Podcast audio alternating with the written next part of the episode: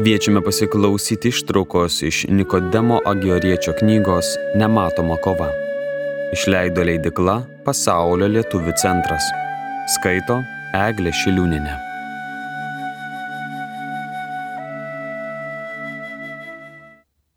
Dvidešimtas skyrius. Kaip įveikti apsileidimą. Kad neįpultum į žlugdantį apsileidimo blogį, kuris užkerta mūsų kelią tobulumo link ir atiduoda mus priešams, reikia vengti visokio tuščio smalsumo. Žvalgymosi, kur reikia ir kur nereikia, dikinėjimo, tuščių kalbų, šaudimo akimis, prisirišimo prie žemiškų dalykų, tuščio laiko leidimo ir visokios tau visai nebūtinos veiklos, kuria kažkodėl užsiimi nors tai ir kenkia tavo dvasiai. Verste versk save, noriai paklusti geram vadovavimui, dvasios vadovui, atlikti tai, ko jis nori, ką pataria, o ne ko geidi pats. Kiekvieną numatytą darbą stenkis pradėti nedelsdamas, nes net ir menkas atidėjimas paskatina kitą atidėjimą, šis jau ilgesnės trukmės, o pastarasis dar ilgesnės ir taip toliau. Darbas nusikelia vėlyvam metui, netliekamas nustatytų laiku arba visai netliekamas, nes pernelyg ima tave slėgti. Vieną kartą paragavę nieko neveikimo saldumo, pradedame jo trokšti labiau nei veiklos. Kai patenkiname šį troškimą, palengva susiformuoja įprotis nedirbti arba tingumo įdą, per kurią dykinėjimo aistra taip užvaldo, kad net nebesuprantame, kaip nederamai elgiamės ir nusikalstame, ir tik jau išvargę nuo paties tingėjimo vėl imamės savų darbų. Tuomet ateina supratimas, kiek daug laiko praleidome tuščiai dėl nusistatymo, ką noriu, tą veikiu. Šis tingumas prasideda nepastebimai ir palengva savo nuodais ne tik pažeidžia mūsų valią, sukeldamas joje pasibjaurėjimą visokių darbų ir visokią dvasinę veiklą bei paklusnumu, bet ir apakina protą, neleisdamas jam pamatyti mūsų minčių ir neišmintingumo ir klaitingumo. Taip valia tampa palaušta, nes protas nepajėgia samoningai priimti teisingų sprendimų kurie galėtų kuo greičiau išjudinti aptingusią valią, ryštingai, be atidėliojimo atlikti reikiamą darbą. Juoba neužtenka atlikti darbų greitai, bet juos reikia atlikti tam tinkamu laiku, labai atsakingai ir uoliai, kad jie būtų kuo tobulesni. Parašyta, te būna prakeiktas, kas nerangiai vykdo viešpaties darbą iš Jeremijo 48 skyriaus. Mes patys stumėme save į šią nelaimę, nes tingime pagalvoti apie reikiamo atlikti darbo vertę bei naudą.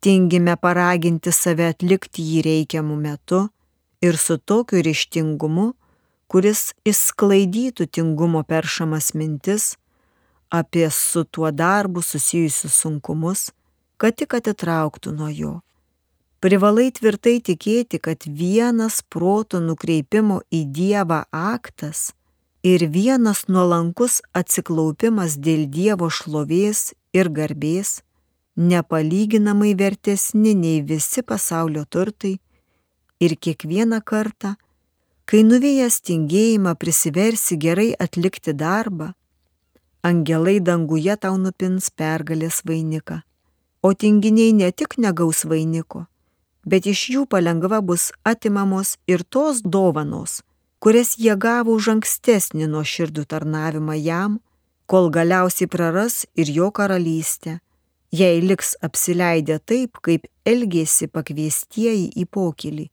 ir patingėję atvykti. Sakau jums, nei vienas iš anų kviestųjų žmonių neragaus mano vaišių iš Evangelijos pagal Luką 14 skyriaus 24 eilutės. Toks apsileidėlių likimas. tiems, kurie yra uolūs ir be jokios savigailos prisiverčia atlikti kiekvieną gerą darbą, viešpats jau žemėje padaugina savo malonių ir ruošia amžiną palaimą savo dangaus karalystėje. Dangaus karalystė jėga puolama ir smarkieji ją savo grobę iš Evangelijos pagal matą. Jei piktos mintys besistengdamos pastumėti tave į apsileidimą, ims įtikinėti, kad dorybei, kurios sieki, reikia nepakeliamo darbo ir labai daug laiko, kad mūsų priešai stiprus ir jų daug, o tu silpnas bei vienišas ir tavęs dar laukia nepaprastai daug sunkių darbų įdant, pasiektum šį tikslą, jei apsileidimo mintys mėgins tau įpiršti tokias vizijas, neklausyk jų ir pasipriešink. Atvirkščiai, galvok, kad tai nedideli darbai, tau nereikės daug laiko ir pastangų. Jei ir sutiksi priešų, tai nedaug, gal kokį vieną, galbūt stipresnį už tave, bet su Dievo pagalba, kuri visuomet su mumis, jei tik juo pasitikime, mes esame neabejotinai stipresni. Jei tik taip galvosi, apsileidimas ir tingumas atsitrauks, tave užvaldys geros mintys ir jausmai skatinantys uolumą, o visa tai persmelks sielą bei kūną. Taip pat reikia elgtis ir maldos atveju. Pavyzdžiui, jeigu dėl kurios nors tarnystės reikia melstis vieną valandą, o tai atrodo labai sunku, tai prieš pradėdamas melstis negalvok, kad prireiks vienos valandos, o pasiruošk melstis mažiau, tarkim, ketvirtį valandos. Ir šis laikas praeis nepastebimai. Tik pasimeldus reikia sakyti, kad dar tiek pat pasimelsi. Ir taip iki sueis viena valanda. Tada nejusi sunkumo. Jei per tokią maldą vis tiek atsiras sunkumo jausmas, galima trumpam nutraukti maldą ir kiek luktelėjus pratesti ir užbaigti, būtinai iki galo. Taip pat elgtis reikia ir su rankų darbu bei paklusnumo darbais. Tau gali atrodyti, kad visokių darbų yra labai daug, imsi blaškytis ir norėsi nuleisti rankas. Bet reikia negalvoti apie visus darbus, o imtis tik vieno. Atlik jį taip atsidavęs, lyg kitų nei nebūtų tuomet jį padarysi gerai ir ramiai. Vėliau imkis lygiai taip ir kito, kol visus ramiai, be sumaišties atliksi. Jeigu nesielgsi protingai ir nesistengsi nugalėti didelio vargo ir apkrovos jausmo, kurį įkvepia priešas, tai apsileidimas bei tingumas galutinai užvaldys tave taip, jog sunkumą sukels ne tik tie darbai, kuriuos reikia dabar atlikti, bet ir tie, kurie dar tik gali būti. Atrodys, jog didžiulė našta slegia pečius, o tu esi kaip belaisvis kankinys, nematantis išeities. Ramybės neturėsi net ir ilsėdamasis, o būdamas be darbo, vis tiek jusi darbų sunkumą. Žinok, mano brangusis, kad ši apsileidimo ir tingumo lyga nematomai po truputį savo nuodai žaidžia ne tik silpnus daigelius, iš kurių galėtų užgimti dorybė, bet ir tuos, kurie jau giliai įleidę šaknis ir pasitarnauja geram bei doram gyvenimui. Kaip kirminas graužia medį, Taip apsileidimas po truputėlį, nejučia, pažeidžia dvasinio gyvenimo nervus. Šėtonas mėgsta panaudoti šią priemonę, reksdamas pagundų tinklus kiekvienam žmogui, bet ypač rūpestingai ir apsukriai jis elgesi su tais, kurie linksta į dvasinį gyvenimą, nes žino, kad tingus žmogus lengvai pasiduoda saviems troškimams ir nupuola. Dykaduonis alksta ir nieko neturi. Iš patarlių knygos.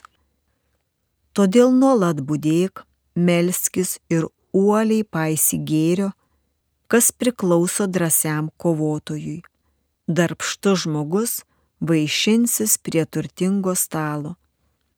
Patarlių 13 skyrius 4 eilutė. Nesėdėk sudėjęs rankų ir neatidėliok savo vestuvių apdaro siuvinėjimo iki to momento, kai reikės pasipuošus stoti jaunikio Jėzaus Kristaus akivaizdon. Kiekvieną dieną prisimink, kad šiandiena yra mūsų rankose, rytojus Dievo rankose, kad davęs mums rytą, davėjas neįsipareigojo duoti ir vakaro. Todėl neklausyk šietono sakančio, atiduok man šiandieną, o Dievui atiduosi rytdieną. Ne, ne. Kiekvieną gyvenimo valandą praleisk taip, kad ji patiktų Dievui ir žinok, jog ji nepasikartos, o atsiskaityti tiksliai reikės už kiekvieną minutę. Atsimink, neįkainojamas yra laikas, kurį dabar turi savo rankose. Ir jei tuščiai jį praleisi, ateis diena, kai jo pasigėsi, bet negausi. Prarasta ta diena, kurią net ir darydamas gerus darbus, nekovojai su savo blogais polinkiais, geismais ir įdomis. Baigiu šiuos pamokymus apaštalo žodžiais - kovok šaunėje tikėjimo kovą. Pirmas laiškas Timotiejui. Juk dažnai nutikdavo, kad viena uolios kovos valanda laimėdavo rojų ir priešingai, viena apsileidimo valanda jį atimdavo. Būk uolus, jei nori paliudyti, koks tvirtas tavo pasitikėjimas Dievu dėl išgelbėjimo. Kas pasitikė viešpačiu, tam seksis.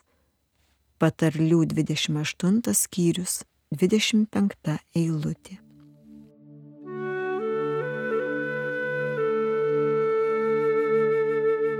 Girdėjome ištrauką iš Nikodemo Agioriečio knygos Nematoma kova.